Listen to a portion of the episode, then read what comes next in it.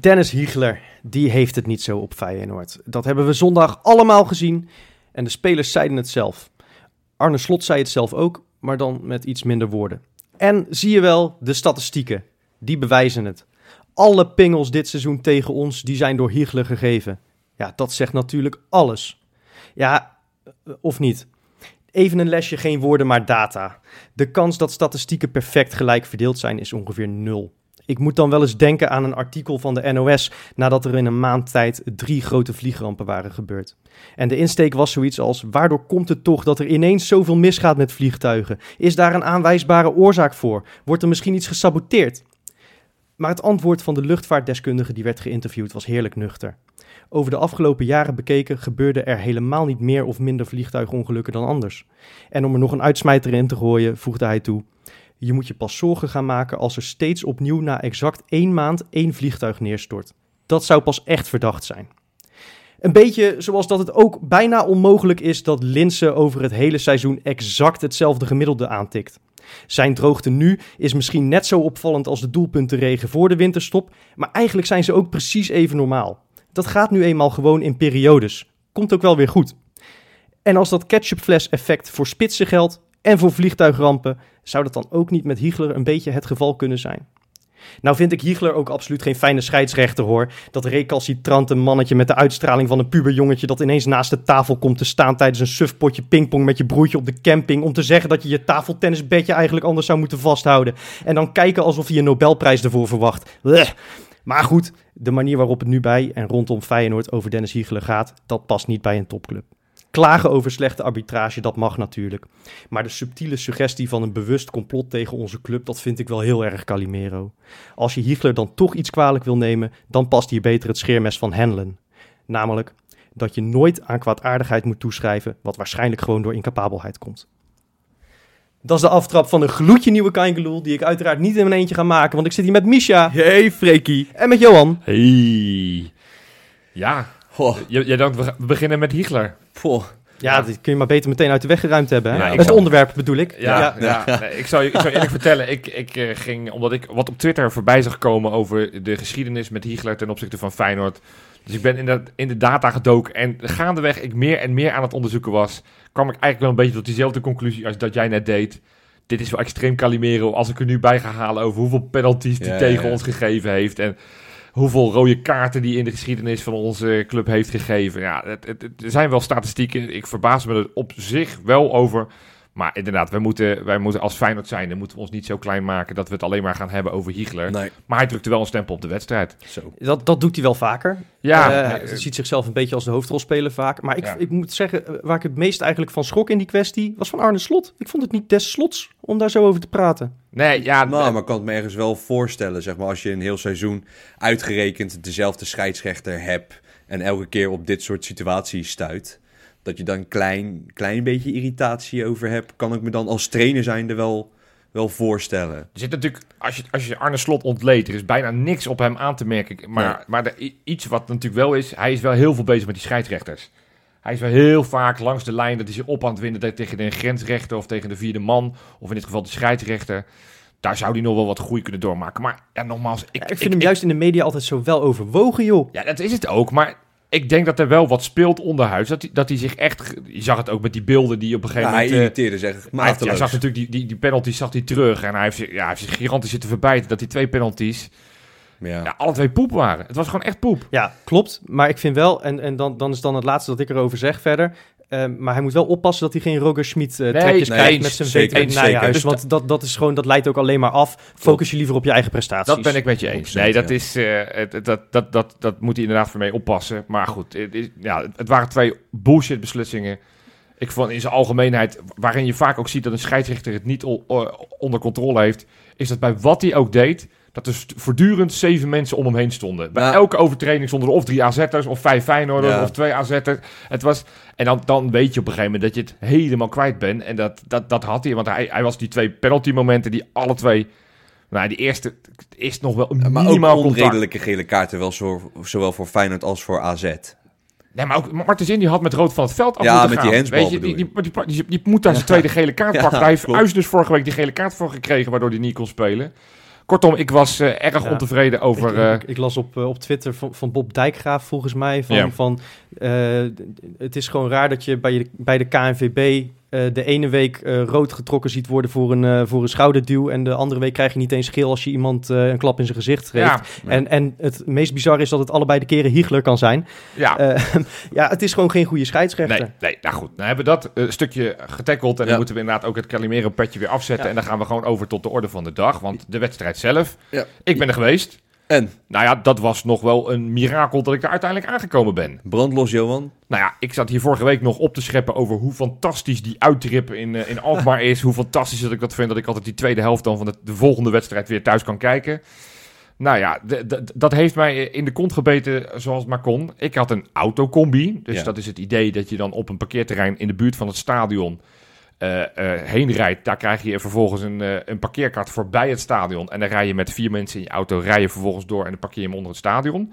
Nou, dat is eigenlijk altijd goed gegaan in de keren dat ik naar Alkmaar ben gegaan. Ja, je zat, zat vorige week nog zo blij te vertellen Ja, ja, van ja. ik ben altijd lekker op tijd thuis. Ja, nee, oh, exact. Nou, dit keer was het wel iets anders. Ik ben eh, met jouw moeder geweest, Freek. Dus eh, Oh. ja, jij hebt het verhaal ongetwijfeld al gehoord. is mijn vader daarvan? Nou ja, dat, eh, dat, laat ik even in het midden. Dat weet ik niet. Maar in ieder geval, ik had met jouw moeder afgesproken op dat bewuste parkeerterrein. Met een aantal anderen nog. Nou, in ieder geval, ik sta daar vervolgens op het parkeerterrein. En wij rijden naar dat, eh, dat, naar dat, naar dat persoontje. En wij vragen van, joh, krijgen wij die kaart? Eh, ja, nee, want alle kaarten zijn al uitgegeven. Oké dan. Dus ik zei, ja, dat, eh, dat is leuk en aardig, maar ja, het is wel het idee dat we naar het stadion komen. Ja, nee, we hebben al een bus geregeld, dus daar staat een bus, daar kunnen jullie allemaal in. Dus nou, op zich was dat wel aardig geregeld. Nou, het begint natuurlijk gigantisch fout. Alleen, vervolgens moesten we daar wachten met die bus. Nou, ik, ik- ik denk dat we nog 20 minuten hebben staan wachten tot die bus uiteindelijk kon rijden. Ik zat de hele tijd mijn klokje te kijken. Ik denk, ja, dit, dit wordt een latertje. Uiteindelijk kwam ik 10 minuten voordat die wedstrijd begon, was ik pas in het stadion. Dus ik heb geen broodje kroket, geen, geen drankje, niks heb ik kunnen halen. Ehm, ik, ik, was, ik was in goed gezelschap, want ik ben een patron. Adriaan was. Ik was met de, de voormalig voorzitter van, eh, van de FSV, de Feyenoord, Remco was, Remco, ik, ja. eh, was ik er. Dus ik, ik was in goed gezelschap. Ja. Dus ik voelde me veilig. Ik denk, dit komt wel goed. Eh, nou, uiteindelijk was het ook op tijd. Nou, op de terugweg met hetzelfde busje weer terug. Maar die autocombi, daar heb ik dus niet zo heel- gek veel van gemerkt. Want uiteindelijk had ik een soort van buscombi. Ja, Maar hoe- hoe maar wel, wel voor de prijs van een autocombi. Wel voor, dus, Ja. dus wij maakten al grapjes in de bus van... Want uiteindelijk kwamen ze in de bus, kwam er iemand, een, een steward kwam van Feyenoord, kwam ons vragen van... joh, ja, mag ik jullie relatienummer en, eh, en je naam? Want eh Feyenoord wil jullie eh, tegemoet komen voor dit. Ik dacht, nou, dat is netjes. Alleen toen maakte Remco al het grapje... Ja, dat denken wij, maar ze gaan straks een naheffing sturen. van 30, 30 euro per persoon. We hebben er moeten zetten. Dus ik vrees toch dat het een duur geitje gaat worden. Nee, dus ik heb nog niks gehoord van Feyenoord. Dat zal ongetwijfeld komen. Eh, eh, het heeft waarschijnlijk te maken met gewoon te Maar veel... dat ligt toch gewoon aan AZ, dit? Het ligt toch niet aan Feyenoord? Wat ik begrepen heb, is dat het een beetje in het midden ligt. Is dat Oké. enerzijds dat, het, eh, het, eh, dat er te, te, te weinig eh, plek voor auto's is, eh Ja, is maar het- het- gegeven. het en anderzijds dat er ook mensen parkeerkaarten van vorig jaar gebruiken. Oh, oké. Ah, nee, ik, was- ja, ja, want ja, ik- ja, ik- ja. ik dacht te hebben begrepen dat AZ niet had doorgegeven dat het parkeervak kleiner was Nee, gemaakt. dat, dat, dat was, was ook het geval. Dus, Oké. nou ja, goed, het, het, het zal ergens in het midden liggen. ja. Hm. Uiteindelijk was ik Ah, er en Nogmaals, het scheermes van Handelen. Hè? Niet Ja. aan kwaadaardigheid toeschrijven, wat gewoon door domheid kan komen. Precies, precies. Dus eh, nou ja, ik was er uiteindelijk. En eh, ja, ik was vervolgens, zag ik de opstelling. Ja. En, verbaasd of? Nou ja, toch een beetje wel. Ja? Ja, we hebben toch Arne Slot een beetje leren kennen als een man die eigenlijk elke week wel met dezelfde elf, tenzij er iemand geschorst of geblesseerd is, dat hij iets wisselt. Maar ik was er wel van overtuigd dat hij het gewoon met Jaan Baks als rechtsbuiten zou doen. En of Tornstra of Uisnes als eh, controleur. Nou, dat was dan Hendricks. Nou, ik vond Hendricks wel een logische keuze. Ja, nou ja, we hebben er natuurlijk vorige week een, een uitvoerige discussie over gehad. Eh Freek heeft hartstochtelijk eh, een pleidooi gehouden Ja, voor ja. Hendricks. Ik deed het voor Tornstra. Met terugwerkende kracht heb ik die polletje kapel alsnog gewonnen. Want Nou ja, Hendricks ik was dat echt we, dat we gigantisch. allebei hebben verloren. Ja, ik denk dat dat eigenlijk de Ja, conclusie is. Nou, Torstra was ook niet goed, maar die stond uh, rechtsbuiten. Maar ik vond, ik vond Hendricks ja, niet goed, maar daar komen we misschien straks nog even op. Maar inderdaad, het was uh, Jaan Baks die geslachtofferd werd. Want Torstra stond als rechtsbuiten, met name om, het, uh, om Wijndal denk ik in te perken. Nou, Dat en, en, weet je, dat, dat begreep ik op zich nog wel. Ja, hè? ja. Maar ik snap niet dat als je dan Toornstra opstelt, dat je dan Geertruida laat staan voor Pedersen.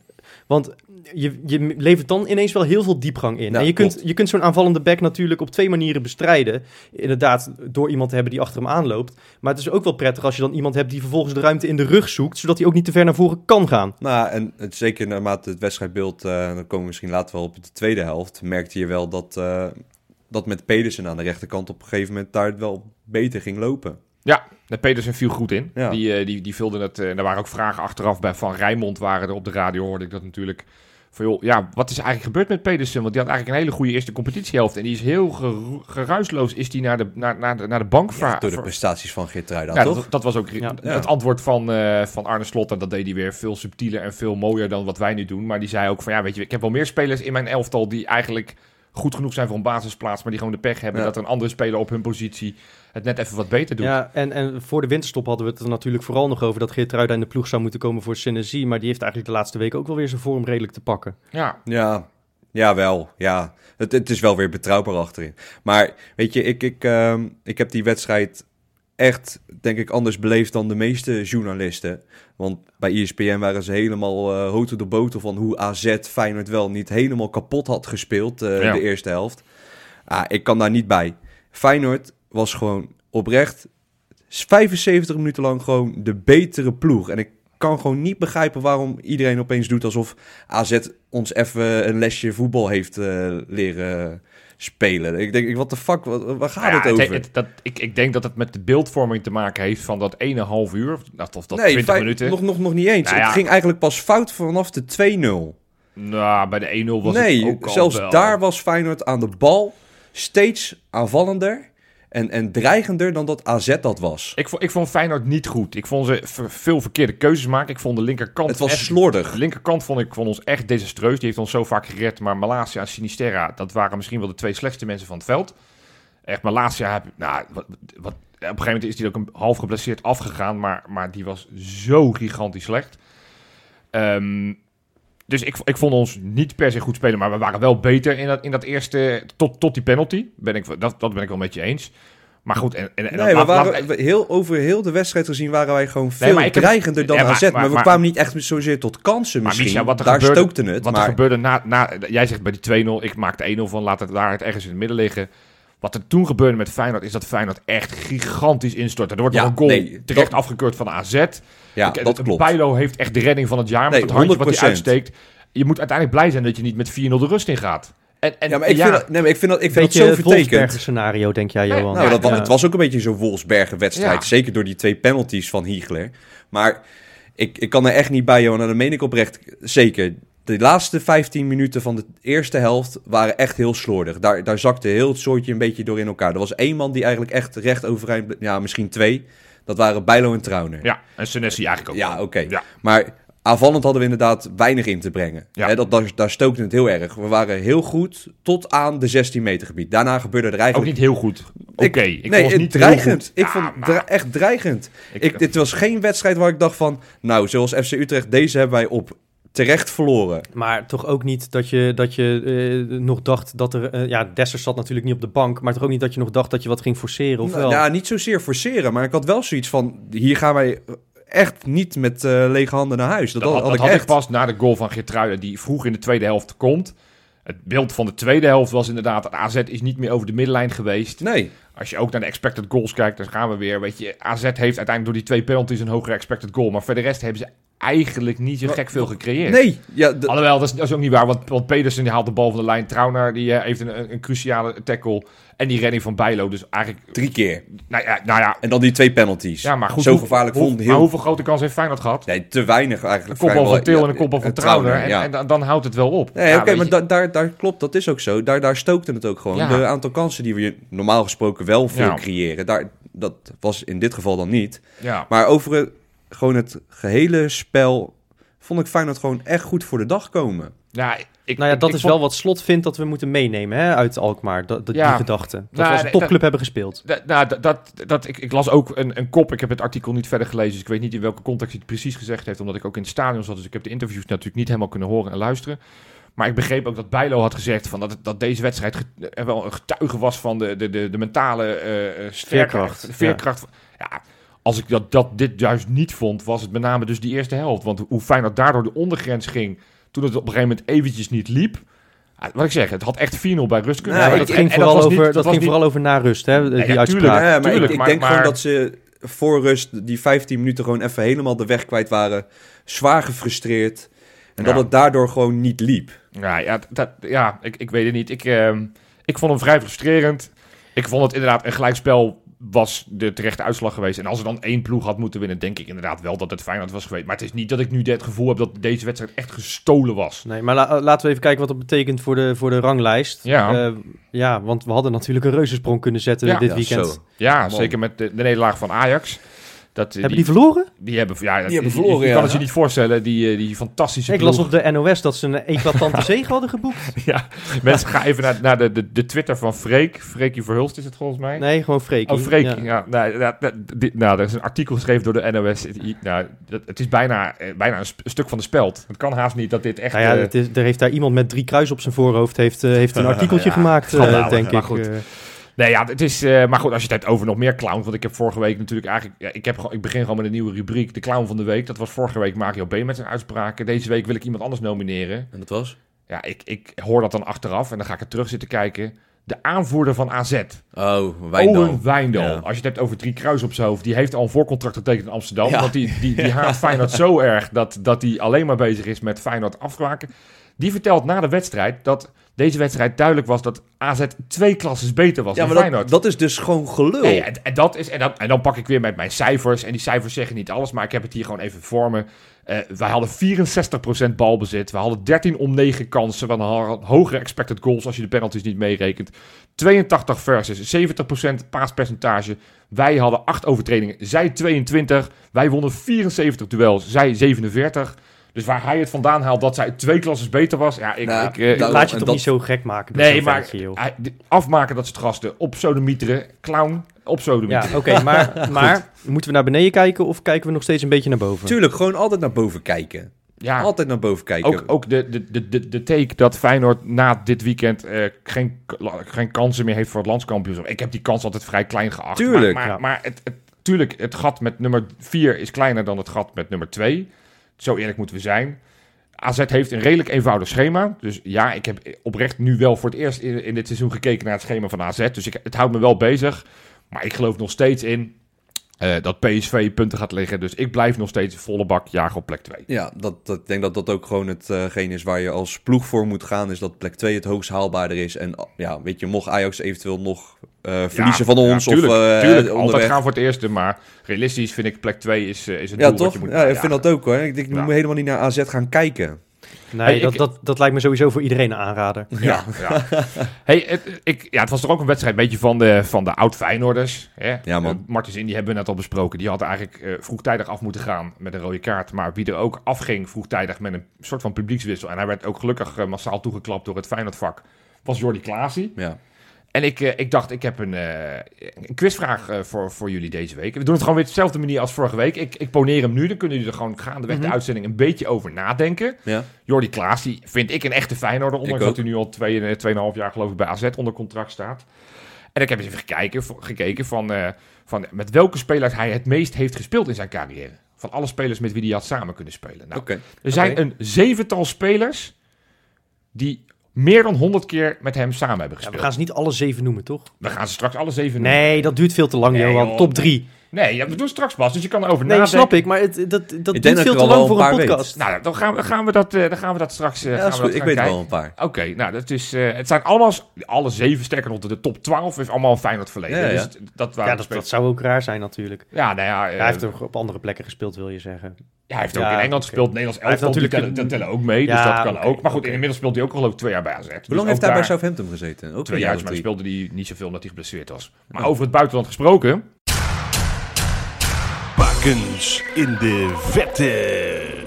Ja, jongens. eh, Ja, de- de- kijk, ik weet wat Freek nu zegt. Die was net al een beetje kritisch. Hè? Dat duurt te lang, duurt te lang. Ik moet altijd mijn top 3 doen. Maar ik, deze week het is toch een top 5. Ik- Er zijn te veel mooie verhalen die ik niet kon passeren. Dus ik ga er snel Hey, doorheen. weet je, daar hebben, we, daar hebben we ook behoefte aan na zo'n ja, weekend. zeker.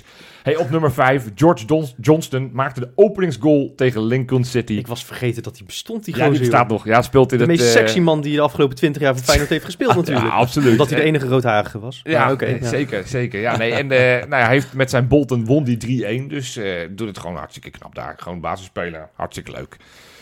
Dan op nummer 4. Ja, het is voor mij echt wel een what the fuck, hoe kan dit? Is eh, toch weer João Carlos Teixeira. Nee, man, Ja, echt? hij heeft weer gescoord.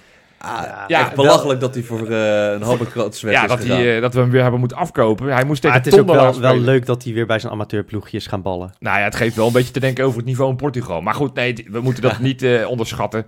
Eh ze moesten spelen tegen Tondela. Hij maakte de 2-0. Tegen wat? Tondela. Tondola. Ja, Tondela. Ja, ik verzin die naam ook niet. Ja, en, en, dan zeg je eerst, we moeten dat niet onderschatten. Ja, ja, Die, die ploeg die Ja, klinkt als een, als een ja. categorie bij de bingo. ja, ja, misschien was het. Het staan ook onderin, dus dat kan eh, zomaar kloppen. Maar goed, hij maakte de 2-0 met een echt een fantastische volley. Gewoon een kleine stuiter, voetje binnenkant voet, eh, ver, ver in het eh, goaltje getikt. Eh, uiteindelijk werd het 2-1, dus het was feitelijk de match, matchwinnende goal die hij maakte. Maar- maar- Ze hebben nu drie op een rij ik gewonnen. heb, en ik heb daardoor nu wel... Ik ja. heb nu wel een, ja, nee, maak je verhaal maar. En daar staan ze dus nu zes punten boven de streep. Dus sinds hij daar gekomen heeft, hebben ze de weg naar boven gevonden. Maar- dus ja, is hij, is hij zo'n legende daar? Of zo? Ik heb het idee dat, dat hij alleen maar testimonials voor zichzelf aan het spelen is Ja, daar. ja, is gewoon dus elke- jouw Texera Ja. eh, Mensen Ja, komen voor, voor, voor hem, voor, voor nog een tribute aan Joao Teixeira. Ja, nou ja, ik, eh, dat is toch leuk. Nee, op nummer drie ook een tribute. Eh, dat was in zijn, eh, zijn, ja, zijn thuisland, zijn thuisplek. De man die bij ons eigenlijk ook een beetje ja, met stille trommen het stadion eh, verlaten heeft, eh, was Nicola Jurgensen. Dat was natuurlijk niet Ja. helemaal hoe het bij Feyenoord, eh, hoe het uiteindelijk hadden we gehoopt. Ja, Is in de winter is hij natuurlijk weer teruggegaan naar zijn FC Kopenhagen. Moest afgelopen weekend spelen. Eh, en eh, ja, begon als wisselspeler, maar kwam er in de 60ste minuut in. En in de 92ste minuut maakte hij uiteindelijk de 2-0. Dus eh, Oh, zes jaar na dato, nadat hij zijn laatste goal heeft gemaakt voor FC Kopenhagen, staat hij weer op het scoreformulier in wel Nederland. leuk voor hem. en wat hij bij Feyenoord wel vrij consistent deed, was scoren tegen PSV. En dat mag hij weer gaan doen. Ja, de voor de, Nederlandse coëfficiënt is niet goed. Nee. Maar ja, we moeten nu denken aan eh, wat het beste is voor Feyenoord. En PSV eh, ontloop ik liever toch nog wel. Ondanks Nou ja, dat ik... kwartfinale zou wel leuk zijn, toch? Nou, ik, ik, ik doe maar toch wel liever Kopenhagen. Nee, maar met gewoon voor, all zijn- time sake. Ja. Ik ben niet zo benauwd voor PSV hoor. Nou, ja, ik, eh, ik ben voorzichtig met dat soort uitspraken. Goed, op nummer 2. Dit vind ik misschien wel het mooiste verhaal, maar niet helemaal, want die staat natuurlijk op nummer 1. Maar op nummer 2, we weten nog allemaal het verhaal van Omar El Abdeloui. Ja, die eh, ja. raakte vorig jaar met de jaarwisseling eh, blind aan één oog, doordat er een vuurwerk eh, eh, tegen zijn oog aanknalde. Eh elf operaties is hij ondergaan. Nogmaals, hij was blind aan één oog. Trainde al een tijdje weer mee met, bij zijn Galatasaray. Maar afgelopen week was het dan eindelijk weer zover dat hij zich weer profvoetballer kon Ah, noemen. hij eh, mocht spelen, kreeg meteen een basisplaats tegen Gusteppe.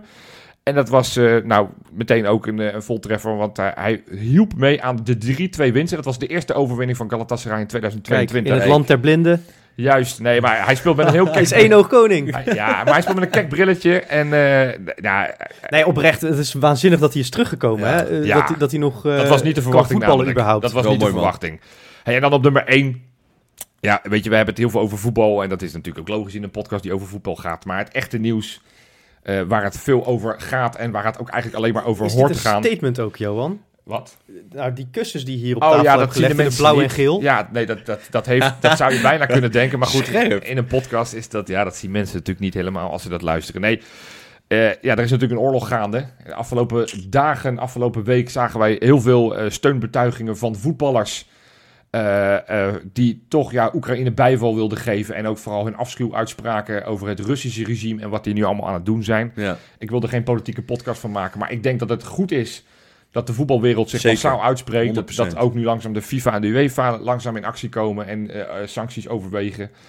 Ehm, maar wat ik extra knap vind, is op het moment dat er kritiek is van binnenuit. Want we hebben allemaal gezien dat het, eh, dat het je flink eh, eh, wat kan kosten op het moment dat je protesteert. Als Rus zijnde. Ja, als, als je überhaupt tegen Poetin ingaat. Hè? Juist, ja. En eh, nou, er is toevallig afgelopen week een speler met eh Feyenoord geschiedenis die dat gedaan heeft. En geen kleine speler. We hebben het over Fedor Smolov. Ja. Ja, hoeveel aanvoerder geweest. interlands intussen van het Russisch elftal? Hè? Wat zeg je? Hoeveel interlands intussen van het Russisch elftal? Bijna ik veel, 100 een of zo. Nee, een stuk of 60, 70. Nou ja, dat bedoel ik. Aanvoerder geweest van Rusland. Die, eh, die heeft afgelopen week heeft hij op zijn Instagram een bericht ge- geschreven eh, in het Russisch. Maar vertaald was het nee tegen oorlog met daarachter een gebroken hartje en een vlag van Oekraïne. Een zwarte post, gewoon een zwart vlak. Ja. Ik vind dat zo heldhaftig dat Ja, je dat doet. Terwijl je weet dat dat eh, nou ja, niet per se Ja, eh, hij, wordt. hij is natuurlijk nog wel in een soort van positie eh, dat het hem niet meteen de kop kost. Maar heel veel journalisten en, en oppositieleiders en zo, die hebben een, daarom is het goed dat hij dat doet vanuit dat hij van zijn privilege, dat het hem niet te veel raakt. nee. Dat hij, dat hij toch die, die solidariteit toont. Dus dat is heel, heel mooi Ja. van hem. Ja. Nee, dus, dus dat, daarom alleen al zou je hem op één moeten zetten. Maar hij dacht, weet je wat, ik ben nu net over getransfereerd naar zijn oude club Dynamo, eh, eh, Dynamo Dynamo Kiev wil ik zeggen. Dat is Moskou, toch? Dynamo Moskou, ja, dat, dat wil Poetin dat het Dynamo Kiev wordt. Eh, de Dynamo Moskou heeft hij eh, zijn eh rentree gemaakt na, na zoveel jaar. En hij, hij dacht, weet je wat, na een half uurtje schiet ik gewoon meteen de eerste bal erin. Dus hij heeft ook meteen op het scorebord een, eh, een goal gezet. Ja. Maar goed, dat is eigenlijk een bijzaak. Maar in Europa alles. zien we hem voorlopig niet meer terug. Dynamo speelde al niet meer in Europa. Nee, maar, maar- nee, dat is. Nou ja, dat, dat is. dat, vlak voordat wij gingen opnemen, was er inderdaad ook het bericht van, van dat de VIF-pro, de, de, de, de, de, de belangenbehartiger van de spelers. Ja. eh, eh, nou, nu aan het peilen is en aan het kijken is of ze dit voor, kunnen veroorzaken dat, eh, dat de spelers transfervrij uit Rusland weg kunnen gaan. Dat is natuurlijk ook wel een Feyenoord. ja, dat, Nou ja, dat is wel interessant. Het, het, het- ja, ja, het is een beetje. Je, je, stapt heel erg over het leed van die, van Ja, die, van die ja, slachtoffers heen ja. als je daarover gaat speculeren. Maar het is natuurlijk wel zo dat we twee gasten eh, in het elftal hebben die in Rusland onder contract staan. Ja, en, en nog En, verder kijken. eh, weet je, Ar- ja, Of ze nou transfervrij daar weggaan, of dat de sancties straks betekenen dat we geen koopoptie eh, mogen lichten, bijvoorbeeld. Ja, dat, dat gaat hoe dan ook wel invloed hebben op het beleid. Ja, nee, dus, maar het is in ieder geval wel... Maar goed, dat, dat, is, dat hoef ik niet in te fluisteren. Dat zal Harnes ook zelf wel doorhebben. Het is wel goed om die Russische competitie eens te gaan monitoren. Ja, Want zeker. het kan best zo zijn dat er massaal spelers eh, nu Weg weg willen. willen ook, ja, En, zeker. en dat, je, dat, Ja. dat je nu kan gaan kijken van ja, en die spits. Ik, zat, toch- ik, zat van, ik heb toevallig vandaag zelf een beetje gekeken van ja, zijn er nog spitsen die interessant zijn? Toevallig hebben eh, Krasnodar afgelopen winter die, die Botheim van, eh Ja, van dat Beudo Glimt overgenomen. ja, het is, ja, het, is, ja het, het voelt gewoon wrang het voelt, daar ja, maar dat, zo. dat is het ook. het, Dat het is het klopt ook. door wat je zegt. De een, een zijn dood is de ander zijn brood. Ja. Dat is op deze manier natuurlijk wel heel bot gezegd. Maar ja, ja, ja, goed. eh, Laten we hopen dat het allemaal niet nodig blijkt te zijn in ieder geval. absoluut. Maar in ieder geval een terechte eerste plek voor Vedersmolen. Ja, absoluut. En nu we toch eh, met het eh, buitenland eh, bezig zijn, maar dan weer even het voetbaltechnische gedeelte van het buitenland. Er is natuurlijk eindelijk gelood Ja. voor de volgende ronde van de Conference League. Yes. Partizan Belgrado. Ja, Disco Disco Partizani. Het had slechter Ja. gekund. Nou, dat zeker weten. Ja, de mensen die de donderdag podcast hebben geluisterd, die hebben mij gehoord dat ik per uitslag steeds eh zagrijniger werd. Want ik dacht, dit, dit gaat niet goed. Er waren te veel goede ploegen bleven over. Ik had stiekem wel gehoopt dat PSV Sorry, eruit zou hoor. gaan en misschien dat Vitesse eruit zou gaan. Ik dacht, dat zijn twee leuke ploegen om te, om te treffen. De tegenstanders van hun bedoel je? Ja, nee, precies. Ja, ja. Maar goed, nu, omdat je weet dat eh, Vitesse en PSV konden zelf niet loten. Dus, eh, dus we hadden maar zes potentiële tegenstanders. Mhm. Ja, Marseille werd ik niet heel blij van. Nee, van Leicester werd ik niet heel voor. blij van. Beudo Glimt wordt gigantisch Ja, onderschat. Ja, nou, dat dat, is een leuk voetballend ploegje, van man. het, eh, Ja, van het ja, toernooi, hè? ja, die moeten nu tegen AZ, dus dan mag man. Wijndal met zijn grote bek mag te laten zien dat hij, eh, dat hij de Noren kan, eh, kan verslaan. ja, Ja? hier. Jij hebt-. Ik, ik kan jou, jij, jij moet, dit, dit, is, dit gaat niet de goede kant op, Johan. Ik, Oh. ik kan me nog herinneren dat jij een paar jaar terug in de podcast Ja. eh, terugkwam van de Johan Cruijffschaal. Dat je, ik heb nou een nieuw pispaaltje gevonden, die Angelino, die kan er helemaal niks van. ja. Ik ga hem volledig kapot maken. Ja. Doe dat nou, doe Nee, dat nou niet dat nog hij- een Ik zeg keer. niet dat hij niks kan. Ik, ik zie echt wel dat hij heel goed kan voetballen, maar ik vind het een heel naar ventje. Maar goed, Ja. misschien, het, hielp- het hielp ook niet dat we 90 minuten lang zijn moeder hebben toegezongen in het stadion gisteren. Oh. Dus, nou ja. Nee, eh, anyway, anyway eh, Partizan Belgrado. We kwamen als laatste uit de kokers. Mhm. Dus we wisten wel wie het werd, want alles was daarvoor al gelood. Ja, ik werd daar wel blij van. Ik denk dat dit de meest gunstige loting is. Nou, Ja. sowieso voor de supporters. Nou ja, Want dat het, weet ik het- nee, niet. eh, wel, want het, het legendarische bierprijsoverzicht kwam deze als goedkoopste uit de bus. 1,70 euro. Nou, ik weet niet hoor, maar daar heb je tegenwoordig, eh, hier met carnaval, heb je daar, daar nog niet eens een half biertje voor. Nee, dat is wel waar. Dat is wel waar. maar goed, het kost, het kost je wel relatief meer om daar te komen dan eh, pak een beet Marseille, waar iedereen met het autootje heen zou Nou, kunnen. ik, ik, ik kom voor mijn verdriet niet in Marseille, hoor. Dat ga ik jou Nee, dat is een andere discussie. Maar eh eh Belgrado ben je al snel aangewezen op een vliegtuig. En de tickets zag ik al dat die al snel richting de 400 euro gaan. Ja, Ja. voor twee, drie dagen. Nou, maar dat kun je dan dus in ieder geval weer compenseren door heel veel te zuipen. Ja, dat is dan het Ja. voordeel. Dus eigenlijk is het gewoon een heel goedkoop tripje. Ja, je moet gewoon winstmaximalisatie Ja, moet je doen. ik zou alleen Ja. niet de, de, de autocombi doen. Want dan, eh, als je dan de bus moet, eh, moet nemen van het parkeerterrein vanaf Wenen. heel- Ja, dat- het, schijnt dat, het schijnt dat AZ dit niet organiseert. Nee, dat is waar. Dat is waar. Nee, ja, goed. En voor de rest... eh, De, Maar het voordeel is, eh, Slot kent Partizan al.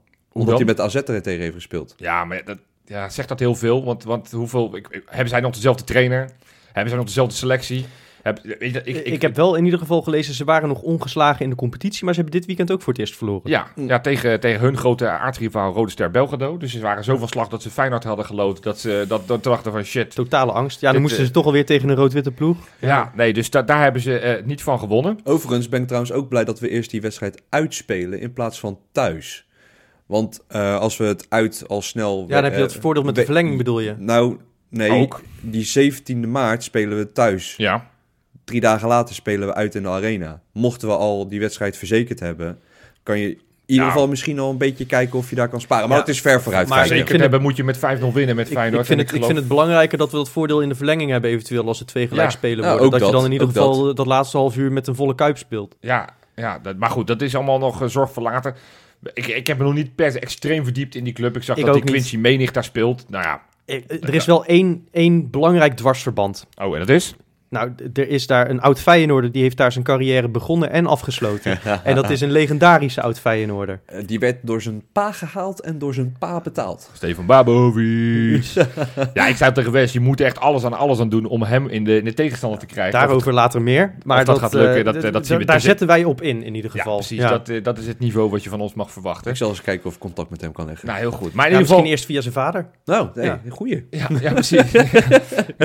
nee, dus dat, eh, nou ja, die, die, die voorbeschouwingen op die wedstrijd komen ter zijn tijd wel. Eh, dus, dus dan zeker, horen jullie zeker. alles van die club, hoe ze spelen, wie de, wie de mensen zijn, op wie je moet letten, hoe ze Oh, het wel gedaan lekker hebben. man dat de Conference League weer gaat beginnen. Ik heb er zin in. Ja, dat is toch ook een beetje de houvast voor dit seizoen. Hè? Want ik bedoel, het is, we staan er misschien een beetje te weinig bij stil. Zeker nu de titel een klein beetje definitief uitzicht eh, Nee, begint je te raken. besloten dat het niet zo is. Oh ja, dat is ook kan. wel weer zo. Maar goed, ik heb daar nooit op gerekend dit seizoen. Maar het is Nee. echt knap waar we staan. Hè? Als je nagaat waar, waar Slot begon. Ja. Maar niemand speelt graag voor de tweede of derde plek in de eredivisie. En de, de Conference League kunnen we echt winnen. Ja. Ja, klopt. Zeker. Eh, Met een paar goede lotingen, maar vooral geloof, dan eh, kan je een eind komen. Maar goed, hey, eh, ja, ik wil wel wat anders nog even aanslingeren, jongens. Dat, eh, dat, nou ja, dat, ik, probeer een brug te maken, maar dat lukt me niet. Dus ik ga daar ook geen brug proberen te maken. Ik ga het gewoon over hebben. Jij wou Ja. nog even terug op, eh, op zondag komen, volgens Nou mij. ja, weet je, ik, ik zag, ik, eh, jullie weten, ik ben veel op Twitter actief en dan, dan lees ik veel. En ik zag best wel veel mensen die aan het mopperen zijn. De eerste, eerste eh, mopperaars zijn wel gesignaleerd. Nou, ook in onze appgroep. Nou ja, ook in onze appgroep, ja, onze Wesley is daar eentje van. Die toch begon te klagen over het feit, ja, leuk en aardig dit Feyenoord onder slot. En we doen het allemaal hartstikke leuk en goed. Maar eh, tegen die linker rijtjesploegen, daar komen we steeds niet als winnaar uit de bus. Ja. Op eh, PSV uitgezonderd. Ben ik niet mee eens. Oh, We hebben nog niet alle wedstrijden tegen ze gespeeld. Zowel Ja. uit als Oh. thuis niet. ja. Zo, Johan. Ga daar, oh, wacht, dit was nog niet Polletje Kamer. Nee, politieke kamer doen we zo. straks. Nee, ja, maar nee, ja, dat- Dus dat, ja, uit hebben we inderdaad verloren van Utrecht en terecht. Want dat is de enige keer dat wij dit seizoen... Maar vind ik Vitesse persoonlijk- twee keer. Ja, maar door persoonlijke fouten. Ja, maar die tellen toch ook? Ja, ze tellen. Maar voetballend gezien ja, maar- zijn we altijd Nee, beter maar geweest. je, kunt toch niet je kunt toch niet ontkennen dat we tegen Vitesse gewoon twee keer ontzettend veel moeite met hun systeem hebben gehad? Ja, dat hebben we wel. Maar we hebben wel verloren door persoonlijke fouten. elke dat, keer. Maar Ja, dat, maar dat hoort bij Ook voetbal. tegen Groningen. Ja, maar doordat die persoonlijke fouten beslissend zijn, dat, dat komt natuurlijk doordat je zelf niet genoeg overwicht hebt. Maar het is, Nou, daar ben ik het niet mee eens. Ik, ik, ik heb hem opgeknipt. Want ik, ik ben gewoon eens even gaan kijken van nou, waar hebben we het nou exact over. Want ik vind er namelijk wel een onderscheid tussen linker rijtje. Hè, daaronder eh horen Cambuur en NEC bij. ja, ja, allebei twee keer van gewonnen. Subtop en middenmoot in Dus ik, elkaar, ik heb het zeg maar gewoon de play-off ploegen. Dus dan Ja. hebben we het dus nummers 1 tot en met 7, waarvan wij dan nummer 3 zijn op dit moment. Ja. Heb ik gekeken. Ja, als je dan de balans ziet. Ik, ik wist het natuurlijk ergens wel, want ik, eh, ik, be- ik beleef Feyenoord intens. Maar, maar als je dat lijstje dan zo voor je ziet. Ajax, verloren. Ja. PSV, gewonnen. AZ, winst en verlies. Ja, Ja. maar Twente. op uitdoelpunten gewonnen. Twente gelijk en voor de beker verloren. Vitesse twee keer verloren. Utrecht verloren. En tuurlijk, Misha, wat jij zegt. Ja, je krijgt ze toch ook nog thuis? ja, ja, en je moet uit naar Ajax. Dus tuurlijk heb je Ja, potentieel maar ja, wel die- 12 uit, 12 ja. uit naar Ajax, die, die verlies je per Nee. definitie. Want daar hebben we al 16 Maar jaar ik- niet meer gewonnen als het niet langer is Maar ondertussen. ik vind het argument van we, mo- we moeten ze nog krijgen, dat Ja, vind ik niet een al te maar sterk argument. Gast, hou op. FC Twente uit hebben we alleen gelijk gespeeld... omdat Oenerstal de wedstrijd eh, van zijn leven Ja, maar had. Misha, je, je, je kunt niet steeds zeg maar dan, dan 26 incidenten afzonderlijk steeds incident blijven Nou, noemen en ik- ontkennen dat er een patroon is. Nee, oké, daar heb je misschien een punt, Freek, oprecht. Maar dat is misschien dan de groei die we moeten maken Ja. da- voor, aan, voor Maar het volgende het. seizoen. Maar dat moeten we dan wel meenemen. Ik snap Maar wat je zegt, niet weg. Ik snap wel wat je zegt. Wat je, wat je, Nee, wat- laat hem even zijn punt afmaken. Nee, ja, maar dat neemt niet weg dat we er daardoor per se ehm, slecht zijn of zo tegen die ploegen. Nee, het nee. is ook gewoon En- een, en een, dat een deel- combinatie van omstandigheden. Tuurlijk is het dat. Hou op. Serieus, als wij het factor geluk met die wedstrijden hadden, dan hadden we daar ook gewoon Ja, gewonnen. Daar ben ik maar- 100% van overtuigd. Kijk. Kijk nou eens even naar die doelpunten die we Ja, hebben maar, tegen maar Misha, Misha, hetzelfde kun je toch zeggen van het feit dat je AZ nog wint in de 92ste minuut met een bal Nou, van nou, richting veranderd door Dessers. Sparta. 100%. 100%. Nou, daar hadden we het factor geluk weer mee. Ja. Dus dat, daar, daar valt ook wat voor te zeggen. Nee, kijk, ik, Maar- ik, ik, ik, ik begrijp wat je probeert te zeggen. Want ik heb gewoon al die wedstrijden gewoon even de revue laten passeren. Ah, Utrecht vind ik de enige waar je echt terecht verloren Ja, hebt. nou, dat daar was je gewoon echt minder Ja. op alle fronten. Ajax, denk dat het gelijk was. In die wedstrijden Ja. tegen Twente, tegen, tegen eh, eh, AZ, tegen eh, Vitesse, was je niet de mindere. Je had Nee, meer ja. balbezit, meer kansen. Maar, maar, Ja, je wint ze uiteindelijk niet. wint... Nee, ja, maar ja, goed, uiteindelijk gaat het in het voetbal wel om winst. Nee, Nou, en, dit is, tuurlijk. en dit is waar ik hem eventjes eh, jullie punten aan elkaar ga knopen. Ja. Vorige, nou ja, van, vorig seizoen tot, ik weet niet hoe lang geleden, al jarenlang zeggen we bij Feyenoord, waarom lukt het steeds niet tegen de kleintjes? Nou, waarom lukt dat niet tegen de kleintjes? Omdat Feyenoord heel slecht is in het spel maken de afgelopen jaren. In balbezit was er vaak gewoon geen plan, niet creatief genoeg, eh, weinig druk op de bal, Mhm. tempo niet hoog genoeg, et cetera, et cetera. En dan liep je uit, tegen Go, uit bij Go Ahead ineens tegen een zeepert aan. Ja. Nu zijn we bezig met in balbezit enorm veel ontwikkelen, eh, hoger op het veld gaan staan.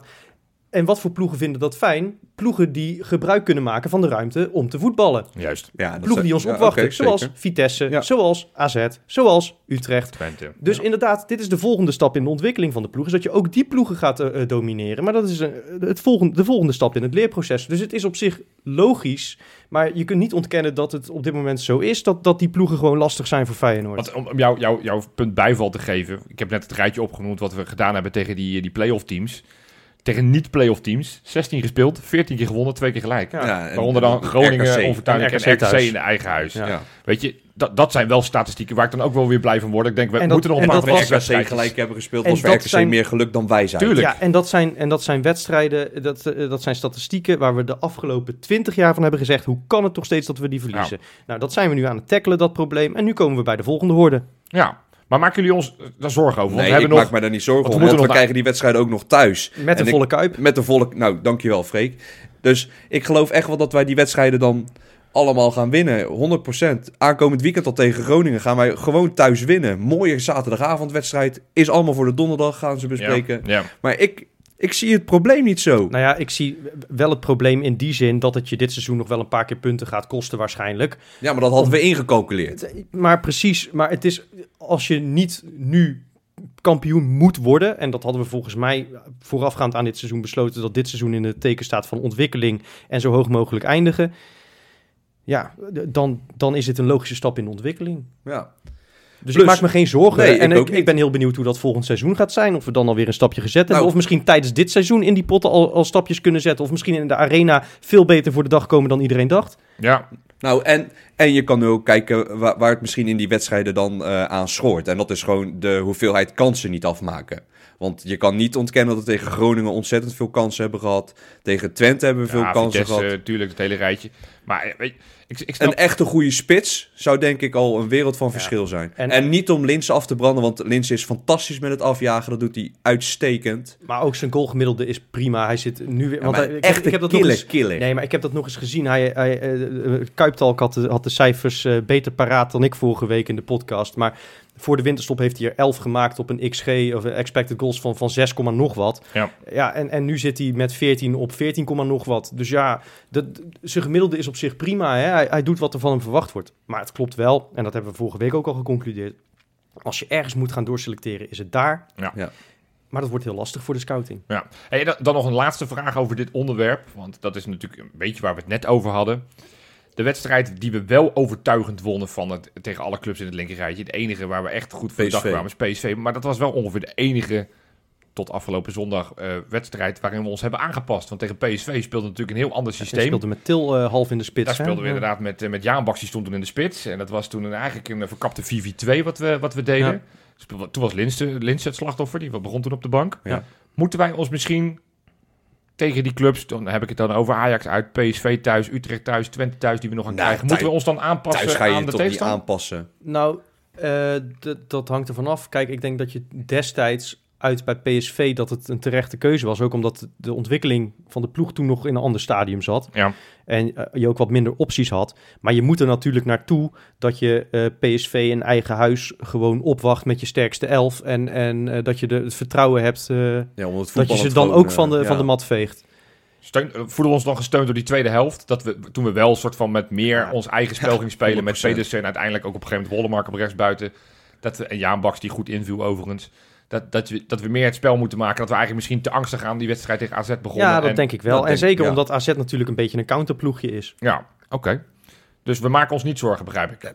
Verre van, echt verre maar van. je hoeft je überhaupt geen zorgen te maken over Feyenoord. Ik bedoel, het, het, het- de optie in het contract van Slot is gelicht. Ja. Hij, hij zegt eigenlijk van, nou, dit is natuurlijk pas de eerste stap, maar ik wil hier graag nog wat langer blijven Ja. eigenlijk zelfs. Nou, Pusic blijft er langer bij. Dus die ontwikkeling van de ploeg is nog lang niet klaar. Je hoeft je helemaal geen zorgen te maken. We, we, we zijn nou niet meer, we zijn nou het eerste college wel voorbij, zoals ik dat toen heb eh, verwoord eh, toen we eh, gelijk speelden tegen Drita. Hè, van de, dit was pas de eerste Ja, introductieles. Nou, we zijn nu ongeveer eh, ja, voorbij de kerstvakantie eigenlijk. Hè? Ehm, en, en dan gaan we straks richting de tentamenweek. Maar dat, van het eerste jaar. Maar dit wordt een vierjarige opleiding. Je moet niet verwachten dat je nu al eh, klaar bent om Dus je, om je er masterdiploma op te halen. Hij moet Ja. zelf erbij tekenen voor een Ja, jaartje, weet, weet ik. ik, ja, ja, zeker. Daarom heb ik ook helemaal geen zin om in, in die negativiteit mee te gaan. Want het, het is vooralsnog gewoon een heel mooi seizoen. Nee, maar dat, dat is het ook. Maar dat betekent niet dat je je, je, je kop in het zand moet steken. Ik En steek mijn kop nee, ook maar niet in dat het zand. niet, Alleen ik, ik, ik vind pas dat je over zoiets kan praten als je echt alle wedstrijden hebt gespeeld, zowel uit Ja, als Maar thuis. dat is echt een dikke, dikke Nee, advocaatredenatie. hoe- je mag pas aan... Pas Flikker na op vier... met je dikke advocaatredenatie. Nee, ja, maar het is wel, nou ja, Dik advocaat zei steeds, je kan niet oordelen, je mag pas na 34 wedstrijden mag je mening hebben. Ja, dan kunnen we de podcast stoppen, ja, want het dan, is dan kunnen we... wel een klein beetje een, een Mario beentje. Oké, nou dan Ja. doe ik al maar een beentje voor jullie. Oké. U voelt eh, de gemoederen al hoog eh, oplopen hier. Ik heb Misha al een paar keer moeten tegenhouden, want hij vloog bijna de tafel over eh, Ja. richting eh, Johan om Ja. naar zijn eh, strot te grijpen. Ja, Johan heeft ook zijn bokshandschoenen alweer aangedaan. Misschien is het eh, de frustratie over afgelopen zondag, maar misschien is het ook wel gewoon de adrenaline rush richting het polletje kapen. Kies voor mij. Stem op mij. Hey jij, kies mij. Wees nou geen idioot en geef mij je vote. Hey joh, stem even op mij. Dames en heren, stem op mij, dan ben je hartstikke blij. Stemmen. Polletje kapen. Ja, dit is de verbale bokswedstrijd van Podcastland. De pot- polletje kapen nieuwe stijl. Ja. Ehm, we doen het niet meer eh, met die 45 seconden en een spannend RTL nieuwsachtig muziekje. Eh, we doen het eh, gewoon ouderwetse lagerhuisstijl. Eh man tegen man, woord tegen woord. Ehm, en eh, ja, het, het, het wordt gewoon eh, een, een tweekamp. Ik heb vorige keer gewonnen van Johan. Ja. Dat betekent dat ik nu de scheidsrechter ben. Met mij wordt niet gecorrespondeerd. Ik ben het enige eh, kundige jurylid hier aan tafel. Ja. Ik hou de tijd in de gaten en ik bepaal de winnaar. Oké. En ehm, deze keer ehm, ja, gaat het over transferzone. Ja, want ik, eh, ik zag Goedemorgen Eredivisie, daar was Henk Timmer te gast. En Ja. die, die had het over eh Sinisterra, die, eh, die gaat de recordverkoop worden van Feyenoord. Mhm. Terwijl, ja, de afgelopen weken zien we natuurlijk de ene na het andere bericht over, eh over Kukçu, dat die 60, 70, 80, 184 miljoen wordt. Dus ik dacht, nou, dat, dat, dat stelt Henk Timmer heel stellig. Maar gaat het wel eh Sinisterra worden die het eh, verkooprecord gaat worden? Nou, dat is de vraag waarover Ja. we gaan, eh, gaan, gaan debatteren. Ja. Althans, jullie gaan dat doen.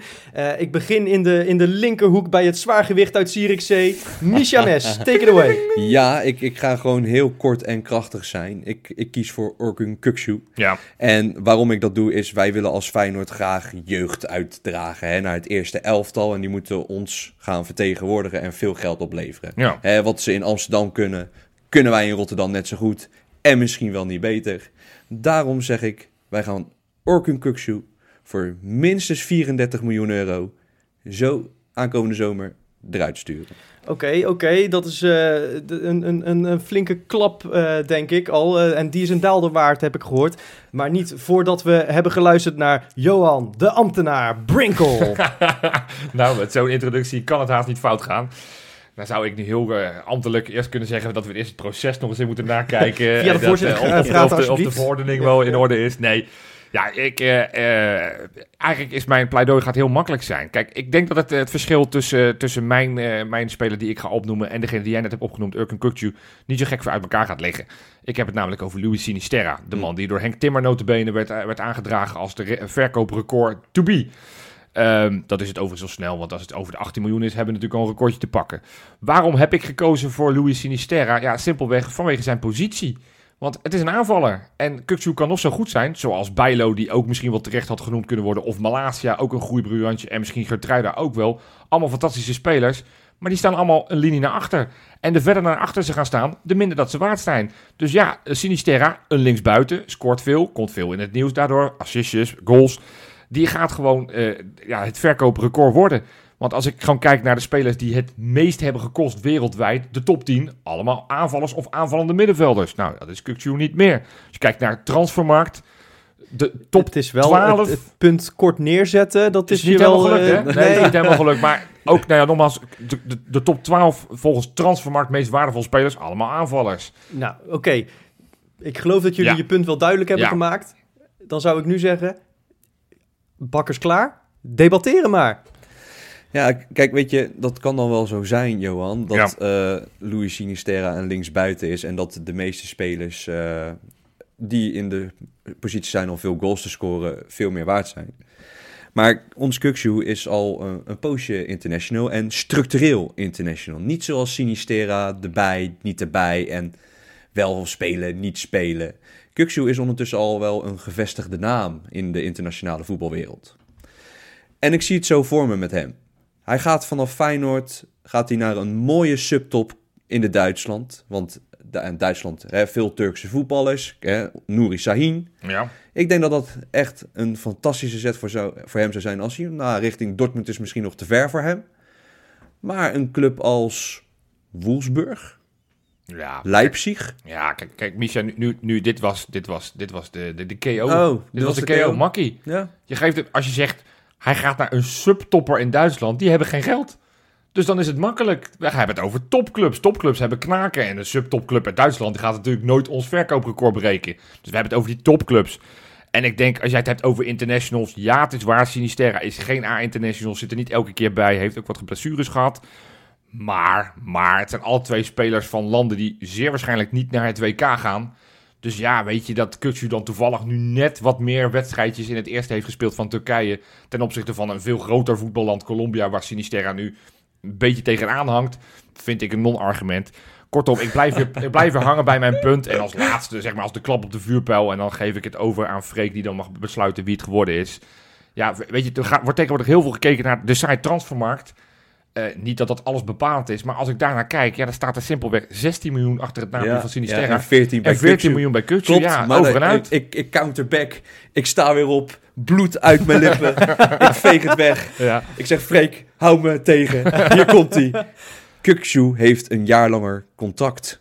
Dus Ja. daardoor kunnen En- wij Oeh. meer bieden. En is ook een Ja. jaartje jonger. Althans, meer Ja, vragen. dus die help ik Ja. je dan ook nog mee. Oeh, ja. ik vind Ja. dit, eh, ik, het is bijna een gelijk spel eigenlijk. Jullie hangen allebei in de touwen, joh. Zo, Ja. zo tegen elkaar aan als twee vermoeide boxers die, die geen klap meer kunnen uitdelen. Ja. Ehm, ja, qua argumentatie moet ik hem denk ik aan Johan geven op Ja. punten. Nee, maar dat is op, op Ja. punten. Ja, Nee, puntenboxer, oké, hè? nee, helemaal Ja. prima. Ja, nou ja, dan... eh oh, nou, daar ben ik blij mee, zeg. Ik, Ja, ik, en, ik eh, kan omgaan met nederlaag. ja. En, en Misha, je weet wat de straf is voor de verliezer, hè? Oh. Ja, dan moet je de Los Patrones voorlezen. oh, damn it. Nou, het is niet, eh, niet veel dit, deze week. Nee, je bent snel klaar, denk ik. Ja. Maar iedereen is meegenomen, hè? Ja. Zeker. En het is ook eigenlijk helemaal geen straf, hè? Het is helemaal geen Nee, straf. Het is nee. een feestje om bij ons te zijn. Sterker nog, we hebben superleuke content eh, op onze kanaal Patreon. Ja. Maar Juri, Heerders, gefeliciteerd. Jij bent nu Patreon geworden. En wil jij nou ook Patreon worden? Ga dan even naar www.keingeloel.nl. Klik op het kopje Steun ons. En word lid en luister naar al onze mooie verhalen. Waaronder dus, hopelijk, binnenkort, met Stefan Babovic over Partizan. Maar eh, ik moet geen valse beloftes Nee, doen. ja, we, die- hebben die hem nog... we gaan het proberen. We gaan het en alles proberen. Kunnen We we zetten hem volop in. proberen. En, ja, weet je. Ja, en, en als we echt niks meer weten, komen we uiteindelijk bij Petrovic of zo waarschijnlijk. Ja, Ja. ja. of zoiets. Ja, nee, goed. Ja, en dan heb ik ook nog natuurlijk nog, voordat ik, nou, die quizvragen, daar hebben jullie nu over na zitten denken, hè? Dus daar kom ik straks nog even op. Oh ja, Maar voordat ik de, de quizvraag kom, dacht ik nog even de Kijkerpool. Die moeten we natuurlijk ook wel eventjes eh, Zeker. aftikken, moeten we ook even doornemen. Eh, deze week, ja, dat, je kan, zou je niet verbazen, er werd niet heel goed gescoord. Er waren heel Nee. veel lage scores. Eh, Ja. De twee spelers met de meeste punten waren Erik Kelly en Danny Boomsma. Allebei met 19 punten. En voor het tussenklassement en het algemeen klassement is er eigenlijk niks veranderd. Jason VDD blijft tussenklassementsleider en El Netjes. Blijft de grote baas. Trouwens, ik, Ja. ik zit zo die naam Juri Heerders nog eens na te denken. Ja. Maar volgens mij ken ik hem. Oh, En ik, ik ben volgens mijn collega geweest met zijn broer. nou, dat Nou, is... zijn eh, broer de- is mijn filiaalmanager Nou, geweest. wel- Welkom, welkom bij, eh, bij het familiediner. Ja, Eh, we ja. brengen jullie na de uitzending met elkaar in contact. Ja, ik ga, Eh, ik ga het eens vragen aan hem. Stuur een is. briefkaart naar postbus eh, 3420. En eh, dan, eh, ja, dan eh, gaan we kijken of we deze twee eh, lang verloren vrienden weer met elkaar in contact kunnen brengen. Ja. Maar misschien, Johan, heb jij eerst nog eh, wat, eh, wat anders te doen? Nou, ik dacht die quizvraag. Ik dacht, ik heb hem jullie net neergelegd. Ik Oh ja. zal hem even Ja. kort herhalen. We hebben het over Jordi Klaasie. Heeft met heel veel spelers samengespeeld. Maar er waren een aantal met wie hij meer dan 100 keer gespeeld heeft. Dat zijn er zeven. Freek zei net, het kan niet zo lang. Dus als ik jou nou gewoon vraag, Misha, geef één naam. Nee, ik, ik, ik wil er minstens vijf geven. Nou, geef er vijf. Nee, maar laten we dan kijken wie het hoogst Oké, oké, Oké, prima, prima. Nou, wat Ik- bied je? Jij biedt vijf. Freek, wat bied jij? Eh, dan bied ik er zes. Oké, nou, dan mag jij ik, doen. ik ben altijd ambitieus, hè. Ja. Eh, Ron Vlaar. Ja, dan ben jij bij deze af. Oh. Ja? Echt? Ja, Ron Vlaar staat eh, niet in de top 12 zelfs. Nee. Oh, jongen. Nee, nee, nee. Dus, eh Misha, wil je hem overnemen? Bruno Martins Indy. Die staat op 1. 148 potjes hebben ze samengespeeld. Zo. Ja, dat helpt, de, tel, de teller tikt natuurlijk door nu die bij AZ samenspelen. Ja. hè? Dus dat... eh, Ja, dat Nederland- is ook zo. Ja, nou ja, hey, wacht even. Maar Vlaar speelde toch vorig jaar ook nog bij AZ, of niet? Nee, Vlaar die is al vier jaar geblesseerd. Nee, die, eh, die, die, die, die is op een gegeven moment gestopt. Dus die hebben volgens mij niet Ja, samengespeeld. ik weet niet. Ik, ik ben helemaal kwijt wanneer dat is gebeurd, maar goed, ga Ja. door. Die is goed. Martens Indy staat op 1. Graziano Pelle. Die staat niet in de top 7. Die heeft eh, 79 potjes samengespeeld. Oh, Nou, noem er nog, eh, nog Ja, dan twee. is hij nou toch ook af. Ja. Eigenlijk ook wel af. wel Ja. Nou, dan zal ik voor al die luisteraars die ook met een... Mag ik dan mijn tweede naam Ja, nog, tweede nog, naam. nog noemen? Ja. Stefan de Vrij had ik nog genoemd. Die staat op 6 met 104. Dus Ja, die... oké. eh, nou, Ja. Jij nog een naam? En dan ga ik echt voor de luisteraars de naam verhullen. Ehm, bu- bu- dat moet Feyenoord gerelateerd... Nou, duurt te lang. Nee, nee. Uh, Vujena staat op 3 met 132 potjes. Ah, je kan het... Ja, op Ella- 2 Ella Madi. de Lord. Nelon. Nelon? 133 Nee, potjes. maar luister, Misha heeft de quiz gewonnen, want die had de nummer 1 goed. Ja, eigenlijk wel. Maar goed, Ja. ik, ik maak hem even voor de luisteraars. Op 4 Immers met 111 potjes. Op 5 Ruben Schaken met 110 potjes. Oh, Ruben op 6 hadden we de Vrij. En op 7 102 potjes van Erwin Mulder. Dat is het. Ja, dat Ja, is ik, toch, eh, we hadden veel meer naar eh, het Feyenoord van toen moeten kijken. Ja, dan nou in ja, plaats da- van daarom dacht ik van, ik begin met Vlaar. eh. De, de Ja, top nee, 12, dat de top ik. 12, ik Ik maak hem dan af. Ja. Boetjes van Beek, Pelle, Jammaat en Torstra staan ook nog in het rijtje. Maar die hebben allemaal minder dan 100 potjes samengespeeld. Kortom, Jordi Klaassen is nog steeds wel een echte Feyenoord. Ondanks dat hij dan nu in het rood speelt. En dat hij met die vreselijk vervelende aanvoerder Owen Wijnald speelt. Ik heb volgens mij weer genoeg gekletst. Dat eh, dacht ik ook, ja. Zullen we er nog een punt achter zetten? Absoluut. En als je nou nog geen genoeg hebt van Kaingeloel, nou mooi, want donderdag zijn we er weer. Tot donderdag. Tot donderdag.